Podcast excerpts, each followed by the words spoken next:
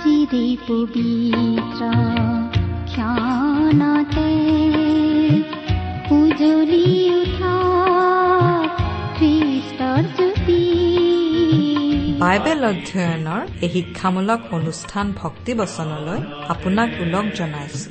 আপোনাক আজি আকৌ লগ পাই আমি বৰ আনন্দিত।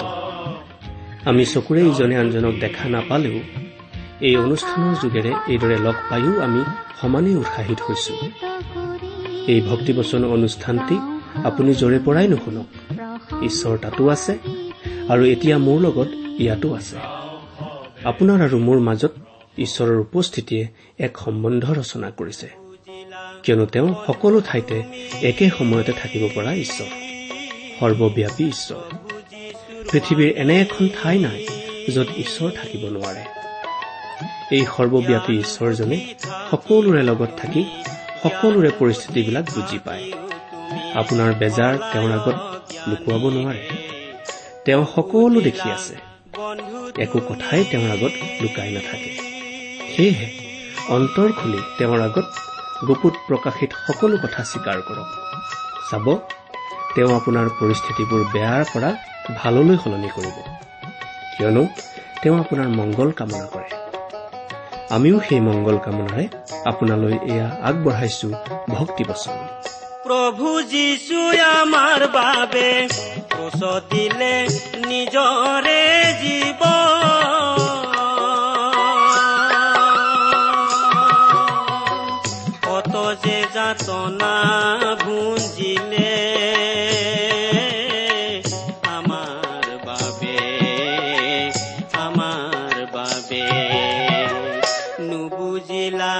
বন্ধু তুমি। প্ৰভু যীশুৰ বাণী। জ্ঞান বুদ্ধি থাকিও তুমি জ্ঞান বুদ্ধি থাকিও তুমি। হলায় জ্ঞানী হে নুবুজিলা বন্ধু তুমি।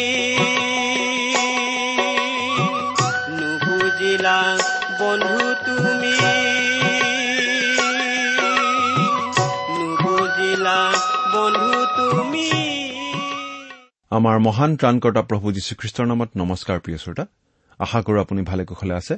লগতে এই বুলিও আশা কৰিছো যে আপুনি আমাৰ এই ভক্তিবচন অনুষ্ঠানটো নিয়মিতভাৱে শুনি আছে। এই অনুষ্ঠান শুনি আপুনি কেনে পাইছে সেই কথা জনাই আমালৈ চিঠি লিখিবচোন।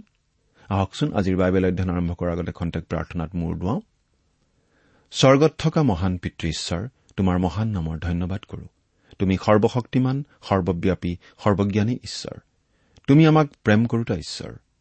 তুমি আমাক ইমানেই প্ৰেম কৰিলা যে আমাক উদ্ধাৰ কৰিবলৈ তোমাৰ একেজাত পুত্ৰ যীশুখ্ৰীষ্টকেই আমালৈ দান কৰিলা।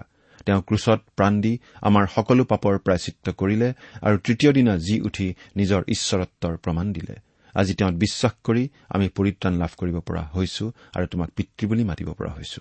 তাৰ বাবে তোমাক অশেষ ধন্যবাদ পিতা। এতিয়া আমি তোমাৰ মহান বাক্য বাইবেল শাস্ত্ৰ অধ্যয়ন কৰিবলৈ ওলাইছো প্ৰাৰ্থনা কৰিছো তোমাৰ বাক্য বুজি পাবলৈ আমাক প্ৰতিজনকে সহায় কৰা। কিয়নো এই প্ৰাৰ্থনা মহান ত্ৰাণকৰ্তা প্ৰভু যীশুৰ নামত আগবঢ়াইছো। আমেন।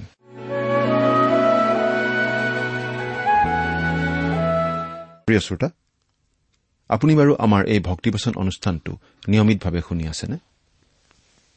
যদিহে আপুনি শুনি আছে তেনেহলে নিশ্চয় জানে যে আমি আজি ভালেমান দিন ধৰি বাইবেলৰ পুৰণি নিয়ম খণ্ডৰ যিচয়া ভাৱবাদীৰ পুস্তকখন অধ্যয়ন কৰি আছো।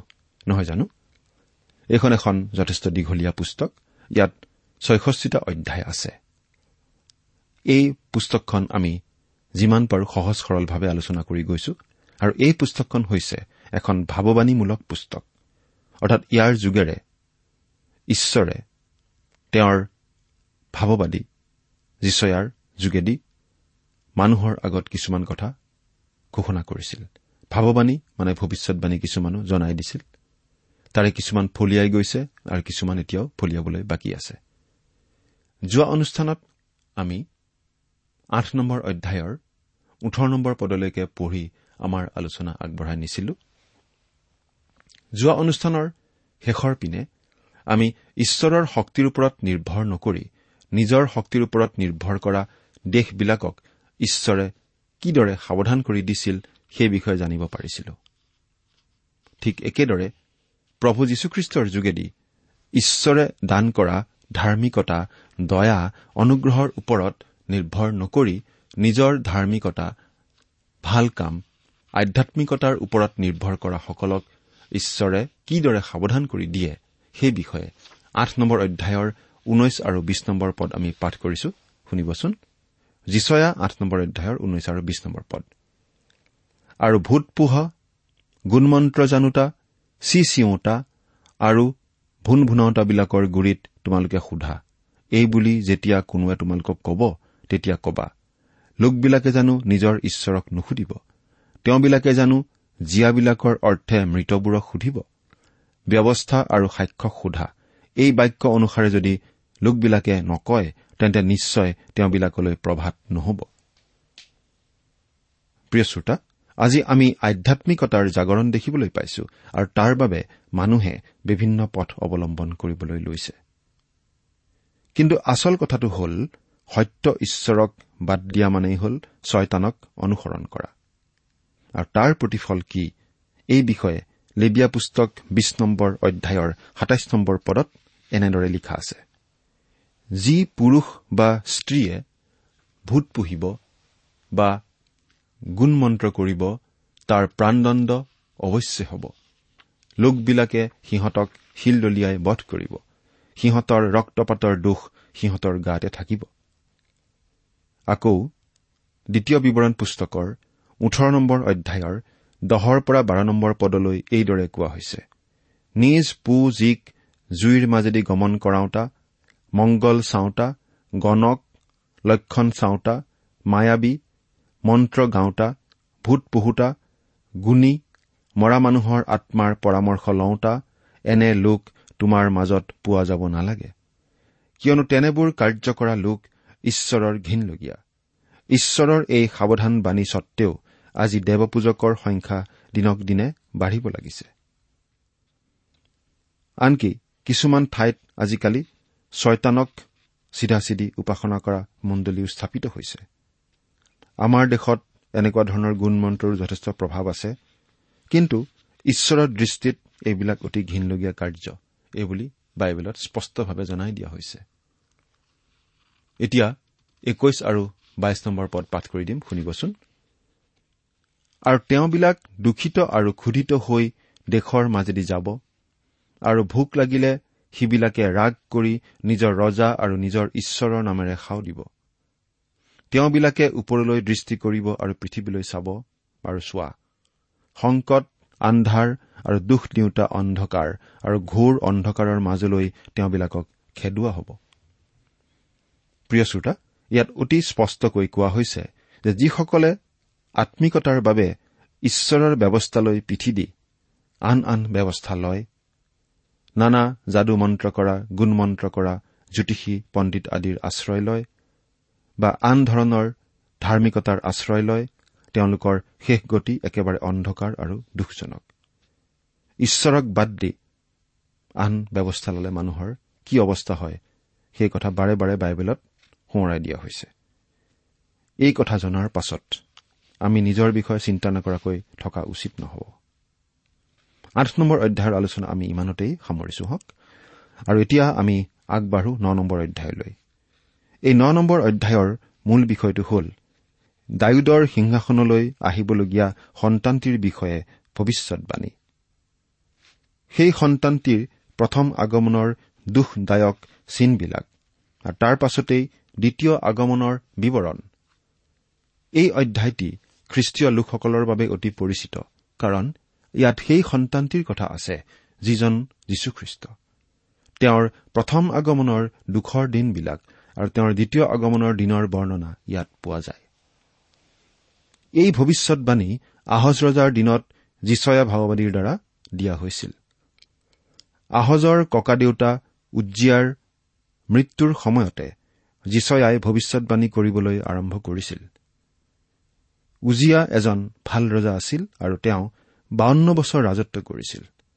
তাৰ পাছত তেওঁৰ পুত্ৰ জুথম ৰজা হৈছিল। তেওঁ এজন ভাল ৰজা আছিল। জুথমৰ পাছত আহজ ৰজা হৈছিল। তেওঁ কিন্তু ভাল ৰজা নাছিল তেওঁ বেয়া ৰজা আছিল আৰু তেওঁৰ ৰাজত্ব কালচোৱাক ইতিহাসত অন্ধকাৰ যুগ বুলি কোৱা হৈছে। আৰু সেই সময়তে উদ্ধাৰকৰ্তা প্ৰভু যীশুখ্ৰীষ্টৰ প্ৰথম আগমনৰ বিষয়ে যীচয়াই ভৱিষ্যৎবাণী কৰিছিল। এই শিশুটিয়েই যে ইছৰাইলৰ আশাৰ ভূমি সেই বিষয়ে আমি এক নম্বৰ পদৰ পৰা সাত নম্বৰ পদলৈ পাম। এতিয়া আমি প্ৰথম পদটি পাঠ কৰিছো শুনিবচোন। যিচয়া ন নম্বৰ অধ্যায়ৰ প্ৰথম পদ। কিন্তু যি দেশ দুখত আছিল তাত আন্ধাৰ নাথাকিব। তেওঁ আগৰ কালত জবুলুন আৰু নপ্তালি দেশক নিহ অৱস্থালৈ আনিছিল কিন্তু অন্তিম কালত সমুদ্ৰৰ ওপৰৰ পথ জৰ্দনৰ পাৰ জাতিবিলাকৰ গালিল মৰ্যাদাবন্ত কৰিলে। প্ৰিয় শ্ৰোতা এই পদটিৰ কথাখিনি আমি দুটা ভাগত বুজিব লাগিব। প্ৰথমে কিন্তু যি দেশ দুখত আছিল তাৰ অৰ্থ এই। ঈশ্বৰে কৈছিল যে যদি ইছৰাইলৰ দেশবিলাকে ঈশ্বৰৰ শক্তিৰ ওপৰত নিৰ্ভৰ নকৰে তেন্তে ঈশ্বৰে সিবিলাকক ৰক্ষা নকৰে। তেওঁলোকক ধ্বংস হবলৈ এৰি দিব। এই ভৱিষ্যৎবাণীটো ফলিয়াইছিল। কেনেকৈ? কাৰণ ছিৰিয়াই ইছৰাইলৰ উত্তৰ পূব অঞ্চল আক্ৰমণ কৰি তাৰ বহু ক্ষতি কৰিছিল। কিন্তু তাৰ পাছত অচুৰীয়াসকলে ইছৰাইল পুনৰ আক্ৰমণ কৰি তাৰ মানুহবিলাকক বন্দী কৰি লৈ গৈছিল। সেইবাবে তেওঁলোকৰ দুৰ্গতি আৰু বেছি বেয়া হৈছিল। দ্বিতীয়তে কোৱা হৈছে যে কিন্তু অন্তিম কালত সমুদ্ৰৰ ওচৰৰ পথ জৰ্দনৰ পাৰ জাতিবিলাকৰ গালিল মৰ্যাদাবন্ত কৰিলে। এইটো আছিল দ্বিতীয় ভৱিষ্যৎবাণী। প্ৰভু যীশুৰ প্ৰথম আগমনত এই ভৱিষ্যৎবাণী সিদ্ধ হৈছিল। কেনেকৈ জানেনে? গালিল সেই সময়ত একেবাৰে অৱহেলিত অঞ্চল আছিল কাৰণ তাত পৰজাতিবিলাক গোট খাই আছিল। যীশুৱে জিৰচালেমৰ মাজেৰে পাৰ হৈ গৈছিল কিন্তু তেওঁ তাত জন্মও হোৱা নাছিল আৰু ডাঙৰ দীঘলো হোৱা নাছিল। তেওঁ নাচৰতত ডাঙৰ দীঘল হৈছিল যদিও সেই নাচৰতে তেওঁক অগ্ৰাহ্য কৰিছিল। সেইকাৰণে তেওঁ কফৰ নহমলৈ গৈছিল আৰু এইখন ঠাই গালিল সাগৰৰ পাৰত আছিল। জবুলুন আৰু নপ্তালি দেশ গালিল সাগৰৰ উত্তৰত আছিল। এতিয়া এই কথা মন কৰক যে নাচৰত আছিল জবুলুন দেশত আৰু কফৰনহুম আছিল নপ্তালিৰ দেশত। আমি জনামতে যীশুৱে তেওঁৰ কেন্দ্ৰ কফৰনহুমৰ পৰা স্থানান্তৰিত কৰা নাছিল। তথাপিতো এই কফৰনহুমে তেওঁক গ্ৰহণ নকৰা হেতুকে তাৰ বিৰুদ্ধে তেওঁ কঠোৰ শাস্তি ঘোষণা কৰিছিল।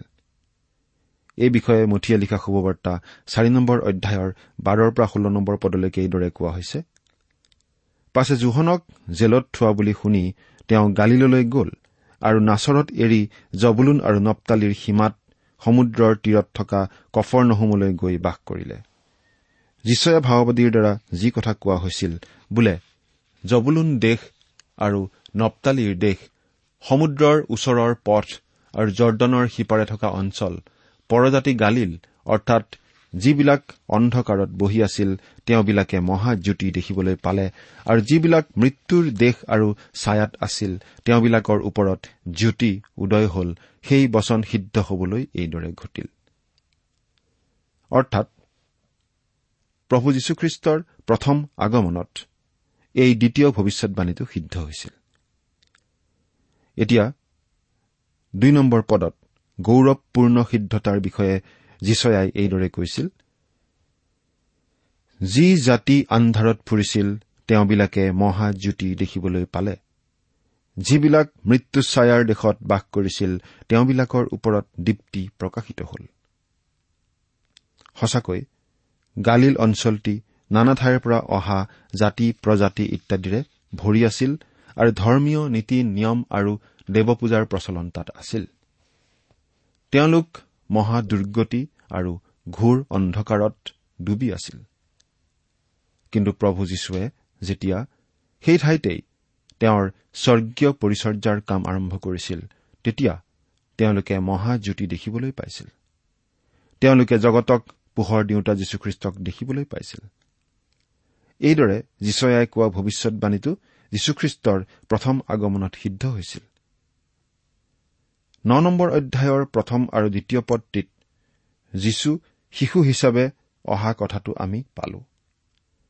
প্ৰভু যীশু যেতিয়া মানৱ ৰূপে জন্মগ্ৰহণ কৰি পৃথিৱীলৈ আহিছিল তেতিয়া এই ভাৱবাণী সিদ্ধ হৈছিল। কিন্তু তিনি নম্বৰ পদটোৱে একেখিনি কথা কোৱা নাই। বহুতো বাইবেল পণ্ডিতৰ মতে দুই আৰু তিনি নম্বৰ পদৰ মাজত সময়ৰ এক বহল ব্যৱধান আছে। অৰ্থাৎ দুই নম্বৰ পদত প্ৰভু যীশুৰ প্ৰথম আগমনৰ কথা কোৱা হৈছে। কিন্তু তিনি নম্বৰ পদত প্ৰভু যীশুৰ ভৱিষ্যতে হ'বলগীয়া দ্বিতীয় আগমনৰ কথা কোৱা হৈছে। এই বিষয়ে তিনি নম্বৰ পদটো পাঠ কৰিছো শুনিবচোন। তুমি সেই জাতিক বৃদ্ধি কৰিলা। তুমি তেওঁবিলাকৰ আনন্দ বঢ়ালা। শস্য দোৱা সময়ত আনন্দ কৰাব আৰু লুটদ্ৰব্য ভাগ বাটি লোৱা সময়ত উল্লাস কৰাৰ দৰে তেওঁবিলাকে তোমাৰ সাক্ষাতে আনন্দ কৰে। প্ৰিয় শ্ৰোতা আপুনি মন কৰক যে যিচয়াই যি সময়ত এই ভৱিষ্যৎবাণী কৰিছিল সেই সময়ত ইছৰাইলৰ ওপৰত আহজে ৰাজত্ব কৰি আছিল আৰু যিচয়াই নিজে ইছৰাইলীয় বংশৰ লোক আছিল। সেইকাৰণে তেওঁ ইছৰাইলক কেন্দ্ৰ কৰিহে এই কথা কৈছে। কিন্তু খ্ৰীষ্টীয় মণ্ডলীক কেন্দ্ৰ কৰি এই কথা কোৱা হোৱা নাই। ইছৰাইল অৱশ্যে বহু পৰিমাণে বৃদ্ধি পাইছে। মানুহে শস্য কটা আৰু লুটদ্ৰব্য ভাগ কৰাৰ দৰে তেওঁলোকে আনন্দ কৰে।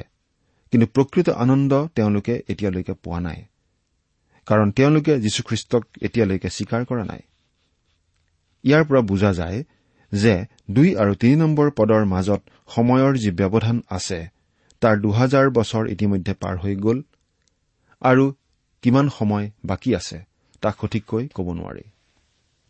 অৰ্থাৎ সেই তিনি নম্বৰ পদৰ কথাখিনি ফলিয়াবলৈ আৰু কিমান সময় বাকী আছে আমি ক'ব নোৱাৰো। কিন্তু কথা হ'ল এই সময়ছোৱাৰ কাৰণে অৰ্থাৎ যীশুখ্ৰীষ্টৰ প্ৰথম আগমন আৰু দ্বিতীয় আগমনৰ মাজৰ সময়ছোৱাৰ বিষয়ে একো ভৱিষ্যৎবাণী কৰা হোৱা নাই। কাৰণ এই সময়ছোৱাত ঈশ্বৰে খ্ৰীষ্টীয় মণ্ডলীবিলাকক আহান কৰি আছে আৰু এই কথাটো যিচয়াই জনা নাছিল। এই বিষয়ে ৰুমিয়া ষোল্ল নম্বৰ অধ্যায়ৰ পঁচিছ আৰু ছাব্বিছ নম্বৰ পদত পাচনি পৌলে এইদৰে কৈছে যি যি নিগৃঢ় তত্ব অনাদিকালৰে পৰা গুপুতে ৰখা হৈছিল কিন্তু সম্প্ৰতি অনাদি ঈশ্বৰৰ আজ্ঞাৰ দৰে ভাৱবাদীসকলে লিখা শাস্ত্ৰৰ দ্বাৰাই প্ৰকাশিত হৈ বিশ্বাসৰ আজ্ঞাধীনতাৰ নিমিত্তে সকলো জাতিৰ আগত জনোৱা হৈছে সেই নিগৃঢ় তত্বৰ প্ৰকাশৰ দৰে অৰ্থাৎ মোৰ শুভবাৰ্তা আৰু যীশুখ্ৰীষ্টৰ ঘোষণাৰ দৰে তোমালোকক থিৰ কৰিবলৈ সমৰ্থ। ইয়াৰ দ্বাৰা পাচনি পৌলে স্পষ্টকৈ কৈছে যে যিচয়া ভাওবাদীৰ দৰে আন ভাৱবাদীসকলেও যিবিলাক বিষয় দেখা পোৱা নাছিল সেইবিলাক এৰি গৈছিল। যিচয়া পুস্তকৰ তেষষ্ঠি অধ্যায়ত মাত্ৰ এটা কমাৰ দ্বাৰা তেওঁ এটা যুগৰ পৰা আন এটা যুগলৈ পাৰ হৈ গৈছে আৰু যুগটোৰ দুহেজাৰ বছৰ ইতিমধ্যে পাৰ হৈ গ'ল। যিচয়াৰ দিনত মানুহবিলাকে মণ্ডলীৰ আৱিৰ্ভাৱৰ বিষয়ে কোনো কথা জনা নাছিল। ইয়াৰ দ্বাৰা বুজা যায় যে এই অধ্যায়টিৰ বাকী অংশটিত ইছৰাইল জাতিটোক উদ্দেশ্য কৰিহে কথা কোৱা হৈছে। কিন্তু পাচনি পৌলে কৈছে যে বিশ্বাসৰ আজ্ঞাধীনতাৰ নিমিত্তে সকলো জাতিৰ আগত জনোৱা হৈছে। তাৰমানে খ্ৰীষ্টীয় মণ্ডলী বুলিলে ইছৰাইলৰ বাহিৰেও আন সকলো জাতি অন্তৰ্ভুক্ত হৈ আছে। কিন্তু যিচয়া নিজে ইছৰাইলীয় লোক আছিল আৰু ইছৰাইলক কেন্দ্ৰ কৰিহে এই কথা কৈছে। এতিয়া চাৰি নম্বৰ পদটো পাঠ কৰিছো শুনিবচোন। কিয়নো তুমি মিডিয়ানৰ দিনত কৰা নিচিনাকৈ তেওঁবিলাকৰ ভাৰস্বৰূপ জুৱলি তেওঁবিলাকৰ কান্ধৰ কাণ মাৰি আৰু তেওঁবিলাকৰ উপদ্ৰৱকাৰীৰ দণ্ড ভাঙি পেলালা। ইছৰাইলৰ কষ্টৰ জুৱলি কেতিয়া ভঙা হ'ব বাৰু? প্ৰভু যীশুখ্ৰীষ্ট যেতিয়া পুনৰ ঘূৰি আহিব যেতিয়া তেওঁ এই পৃথিৱীত তেওঁৰ হাজাৰ বছৰীয়া ৰাজ্য তেওঁৰ হাজাৰ বছৰীয়া ন্যায় শাসন স্থাপন কৰিবলৈ আহিব। তেতিয়া ইছৰাইল জাতিৰ সেই কষ্টৰ জুৱলি ভঙা হ'ব। আজি বাৰু ইছৰাইল জাতিয়ে প্ৰকৃত শান্তি উপভোগ কৰিব পাৰিছেনে? উপভোগ কৰিব পৰা নাই। কিয় উপভোগ কৰিব নোৱাৰে বাৰু? আজি কিয় তেওঁলোক বিশ্বৰ বিভিন্ন দেশত সিঁচৰতি হৈ থাকিবলগীয়া হৈছে? এই সকলো কষ্ট তেওঁলোকে সহিবলগীয়া হৈছে কাৰণ যিজনে তেওঁলোকক শান্তি দিবলৈ আৰু উদ্ধাৰ কৰিবলৈ আহিছিল সেইজন যীশুখ্ৰীষ্টক তেওঁলোকে অস্বীকাৰ কৰিছিল। সেইকাৰণে তেওঁলোকৰ কান্ধৰ পৰা শাস্তিৰ যুৱলি আঁতৰা নাই। আৰু শাস্তি দিওঁতাৰ লোহাৰ দণ্ডও এতিয়ালৈকে ভঙা হোৱা নাই। আৰু প্ৰভু যীশুখ্ৰীষ্টৰ সেই দ্বিতীয় আগমন নোহোৱালৈকে তেওঁলোক সেই দণ্ডৰ পৰা সেই কষ্টৰ পৰা হাত নাসাৰিব। পাঁচ নম্বৰ পদটো পঢ়ি দিছো শুনিবচোন। কাৰণ ঘূৰ যুদ্ধত সুসজ্জিত থকা সৈন্যৰ সকলো প্ৰকাৰ সাজ আৰু তেজেৰে লেটিপেটি হোৱা পোছাক জুইৰ খৰি কৰি পুৰা যাব। প্ৰিয় শ্ৰোতা ইছৰাইলৰ ওপৰত কেনেকুৱা অত্যাচাৰ চলিছিল তাৰ উদাহৰণস্বৰূপে ঘটনা এটা শুনিলে আপুনি বুজি পাব। আজিৰ পৰা কেইবছৰমান আগতে এখন চহৰত অলিম্পিক খেল হৈছিল। আৰু সেই অলিম্পিক খেলতেই জিহুদী বহুতো ডেকা খেলুৱৈক উগ্ৰপন্থীয়ে হত্যা কৰিছিল। তাৰ পাছত মৰাশবিলাকক ইছৰাইল দেশলৈ উভতাই পঠোৱা হৈছিল। আৰু তাকে দেখি গোটেই ইছৰাইলৰ মানুহবিলাকে বিলাপ কৰি কৰি কান্দিছিল। এই সকলো ঘটিছিল কাৰণ শান্তিৰাজ আৰু উদ্ধাৰকৰ্তা প্ৰভু যীশুখ্ৰীষ্টক তেওঁলোকে অস্বীকাৰ কৰি আহিছে। পৃথিৱীত যেতিয়া মহাক্লেশ ঘটিব এই পৃথিৱীৰ পৰা খ্ৰীষ্টীয় মণ্ডলীক উত্তোলিত কৰি লৈ যোৱাৰ পাছত পৃথিৱীত এই মহাক্লেশ ঘটিব। আৰু সেই মহাক্লেশৰ কালচোৱাত ইছৰাইলৰ ওপৰত আৰু বেছি অত্যাচাৰ আৰু অন্যায় চলিব। তেওঁলোকে তাৰ পৰা মুক্তি পাবলৈ একো উপায় বিচাৰি নাপাব। আৰু তেওঁলোকে হাহাকাৰ কৰি কান্দিব। তেতিয়া তেওঁলোকক উদ্ধাৰ কৰিবলৈ প্ৰভু যীশুখ্ৰীষ্ট আকৌ আহিব আৰু তেওঁলোকক উদ্ধাৰ কৰিব। ইয়াৰ পৰা আমি জানিব পাৰো যে ন নম্বৰ অধ্যায়ৰ দুই নম্বৰ পদ আৰু তিনি নম্বৰ পদৰ মাজত এটি বিৰাট সময়ৰ ব্যৱধান আছে। দুই নম্বৰ পদৰ কথাখিনি ইতিমধ্যে ফলিয়াই গ'ল কাৰণ এই দুই নম্বৰ পদৰ যোগেদি যীশুখ্ৰীষ্টৰ প্ৰথম আগমনৰ কথা কোৱা হৈছে। কিন্তু তিনি নম্বৰ পদৰ যোগেদি বৰ্তমানৰ কথা কোৱা হোৱা নাই। কিন্তু প্ৰভু যীশুখ্ৰীষ্টৰ ভৱিষ্যতে হ'বলগীয়া দ্বিতীয় আগমনৰ কথাহে কোৱা হৈছে। আপুনি আজি বিশ্বাস কৰকেই বা নকৰক প্ৰভু যীশুৰ দ্বিতীয় আগমন হবই। আৰু আপুনি মৰি গলেও এবাৰ হলেও প্ৰভু যীশুৰ আগত থিয় হবই লাগিব। কিন্তু কথা হ'ল আজি যদি আপুনি তেওঁক চিনি নাপায় তেন্তে মৃত্যুৰ পাছত যেতিয়া আপুনি তেওঁৰ আগত থিয় হ'ব তেতিয়া তেওঁ আপোনাক চিনি নাপাওঁ বুলি ক'ব। কথাটো শুনিবলৈ অলপ টান লগা কথা। আৰু কথাটো আমি নিজে বনাই কোৱা কথাও নহয়। এই কথা বাইবেলে আমাক স্পষ্টভাৱে জনাই দিছে। কাৰণ আমি জনাটো দৰকাৰ। কাৰণ জানিলেহে আমি নিজকে তাৰ বাবে প্ৰস্তুত কৰিব পাৰিম।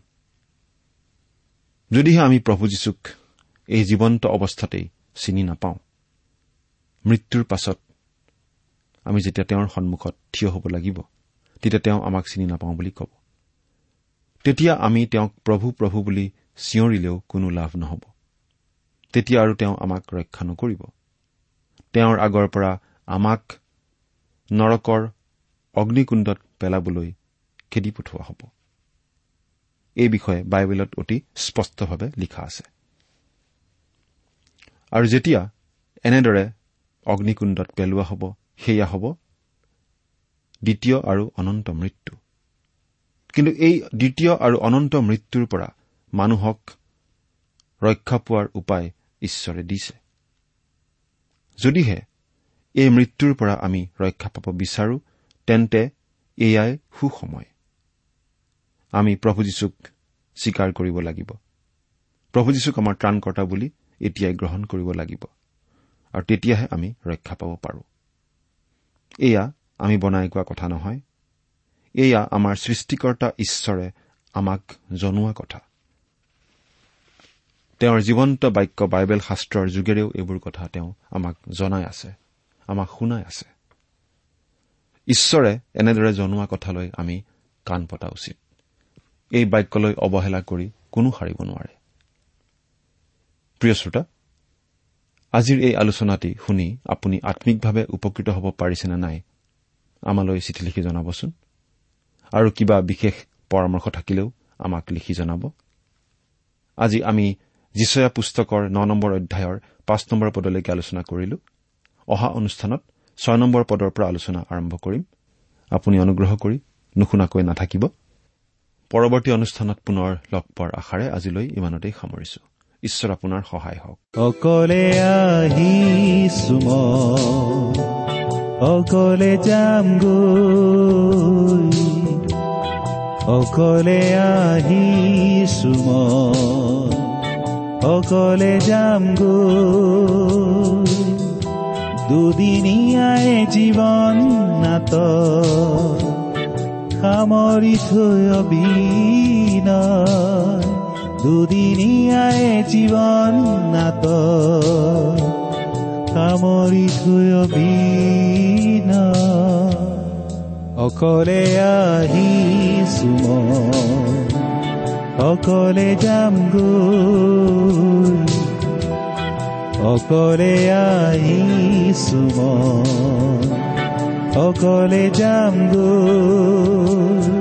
ইমান পৰে আপুনি বাইবেল শাস্ত্ৰৰ পৰা ঈশ্বৰৰ বাক্য শুনিলে। এই বিষয়ে আপোনাৰ মতামত জানিবলৈ পালে আমি নথৈ আনন্দিত হ'ম। আমি প্ৰস্তুত কৰা বাইবেল অধ্যয়নৰ চিডিসমূহ পাব বিচাৰিলে আৰু অনুষ্ঠানত প্ৰচাৰ কৰা কোনো কথা বুজিব লগা থাকিলেও আমালৈ লিখক। আমাৰ যোগাযোগৰ ঠিকনা ভক্তিবচন ট্ৰান্সৱৰ্ল্ড ৰেডিঅ' ইণ্ডিয়া ডাক বাকচ নম্বৰ সাত শূন্য গুৱাহাটী সাত আঠ এক শূন্য শূন্য এক। ঠিকনাটো আকৌ এবাৰ কৈছো ভক্তিবচন ট্ৰান্সৱৰ্ল্ড ৰেডিঅ' ইণ্ডিয়া ডাক বাকচ নম্বৰ সাত শূন্য গুৱাহাটী সাত আঠ এক শূন্য শূন্য এক। মায়া ভৰাই সংসাৰতে লোভে মোহে আগুৰি ধৰে। ভৰাই সংসাৰতে লোভে মোহে আগুৰি ধৰে। জীৱন মৰুৰ মৰিচিকাবোৰ আজি আছে কাইলৈ নাই। অকলে আহিছো মই অকলে যাম গৈ আমাৰ ইমেইল এড্ৰেছটো হৈছে Assamese T TV at the rate radio' eight eight two dot com আমাৰ website W W W dot T W R dot in আপুনি টেলিফোনৰ মাধ্যমেৰেও আমাক যোগাযোগ কৰিব পাৰে আমাৰ টেলিফোন নম্বৰটো হৈছে nine eight five four zero' four zero' eight eight nine phone নম্বৰটো আকৌ এবাৰ কৈছো ন আঠ পাঁচ চাৰি শূন্য চাৰি শূন্য আঠ আঠ ন আপুনি এই ভক্তিবচন অনুষ্ঠানটি আমাৰ website W W W dot radio' eight eight two dot কমতো শুনিব পাৰিব। আজিৰ অনুষ্ঠানটি ইমানতেই সামৰিছো। ঈশ্বৰৰ শান্তি আৰু অনুগ্ৰহ আপোনাৰ লগত থাকক। ধন্যবাদ। জীৱন অন্ত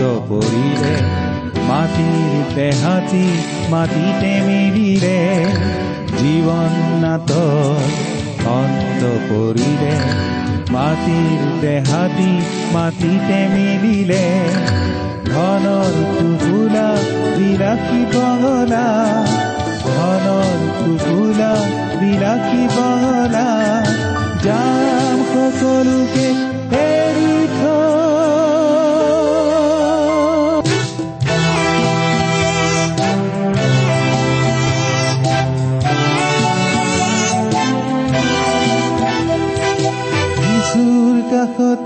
সকলো আছে নম্ৰ মনেৰে আহোঁ বিশ্বাসেৰে। যিচুৰ কাষতে সকলো আছে।